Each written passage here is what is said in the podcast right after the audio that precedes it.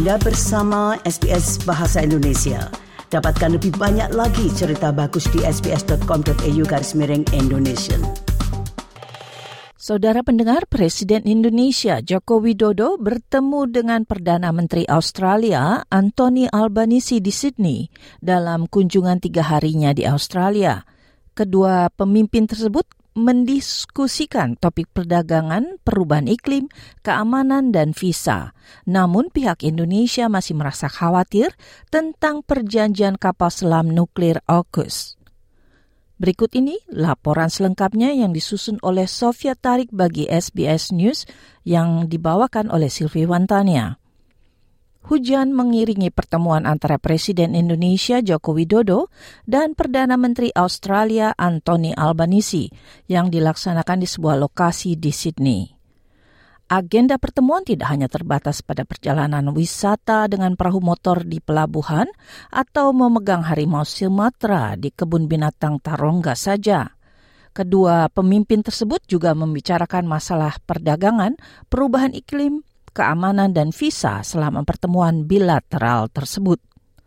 Direktur Pusat Hukum Indonesia Hukum Islam dan Masyarakat dari Universitas Melbourne, Profesor Tim Lindsay mengatakan, Australia belum membangun hubungan ekonomi yang erat dengan Indonesia.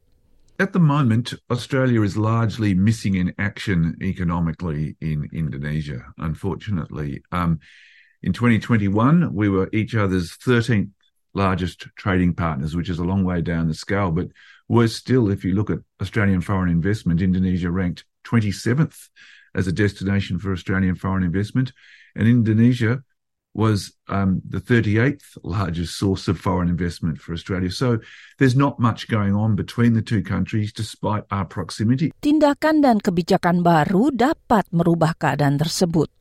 Kedua negara telah menandatangani dana sebesar 50 juta dolar bagi investasi dalam bidang iklim dan bisnis Indonesia, khususnya pada sumber energi yang bersih. Perdana Menteri Anthony Albanese mengatakan pemerintahannya akan memberikan kemudahan bagi warga Indonesia yang bepergian ke Australia dalam rangka bisnis. To support our expanding business and commercial links, Indonesians will gain access to an extended business visa from three to five years, and we will prioritise Indonesian e-passport holders to access our smart gates. Mm. We will put arrangements in place also for Indonesians to access the frequent travellers visa. This offers a 10-year visa validity, making an enormous difference in removing uh, bureaucratic impediments to our closer relationship. Namun, hubungan dengan Indonesia dipersulit dengan penanda tanganan kapal selam nuklir AUKUS. Profesor Lindsay mengatakan perjanjian antara Australia dengan Amerika Serikat dan Inggris untuk membeli kapal selam nuklir dalam rangka menghadapi pengaruh Cina yang terus bertambah kuat di wilayah Indo-Pasifik berpotensi mengganggu hubungan dengan negara tetangga terdekatnya tersebut. It sees AUKUS and the Quad and Australia's role in it as a bit of a worry. It is concerned that AUKUS and the Quad can destabilise the region. Specifically, what President Jokowi says is he wants AUKUS and the Quad to support peace and stability in the region through engagement, not through containment and not through policies directed at China. So he, I think, like many other Southeast Asian countries, is quite nervous about AUKUS Menteri Luar Negeri Penny Wong mengatakan pemerintah Australia akan terbuka dengan pemerintah Indonesia mengenai AUKUS. Obviously Indonesia is is keen to understand what we are doing.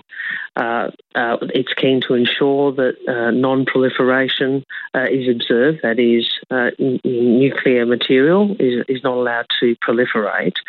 Uh, we're very conscious of Indonesia's interests.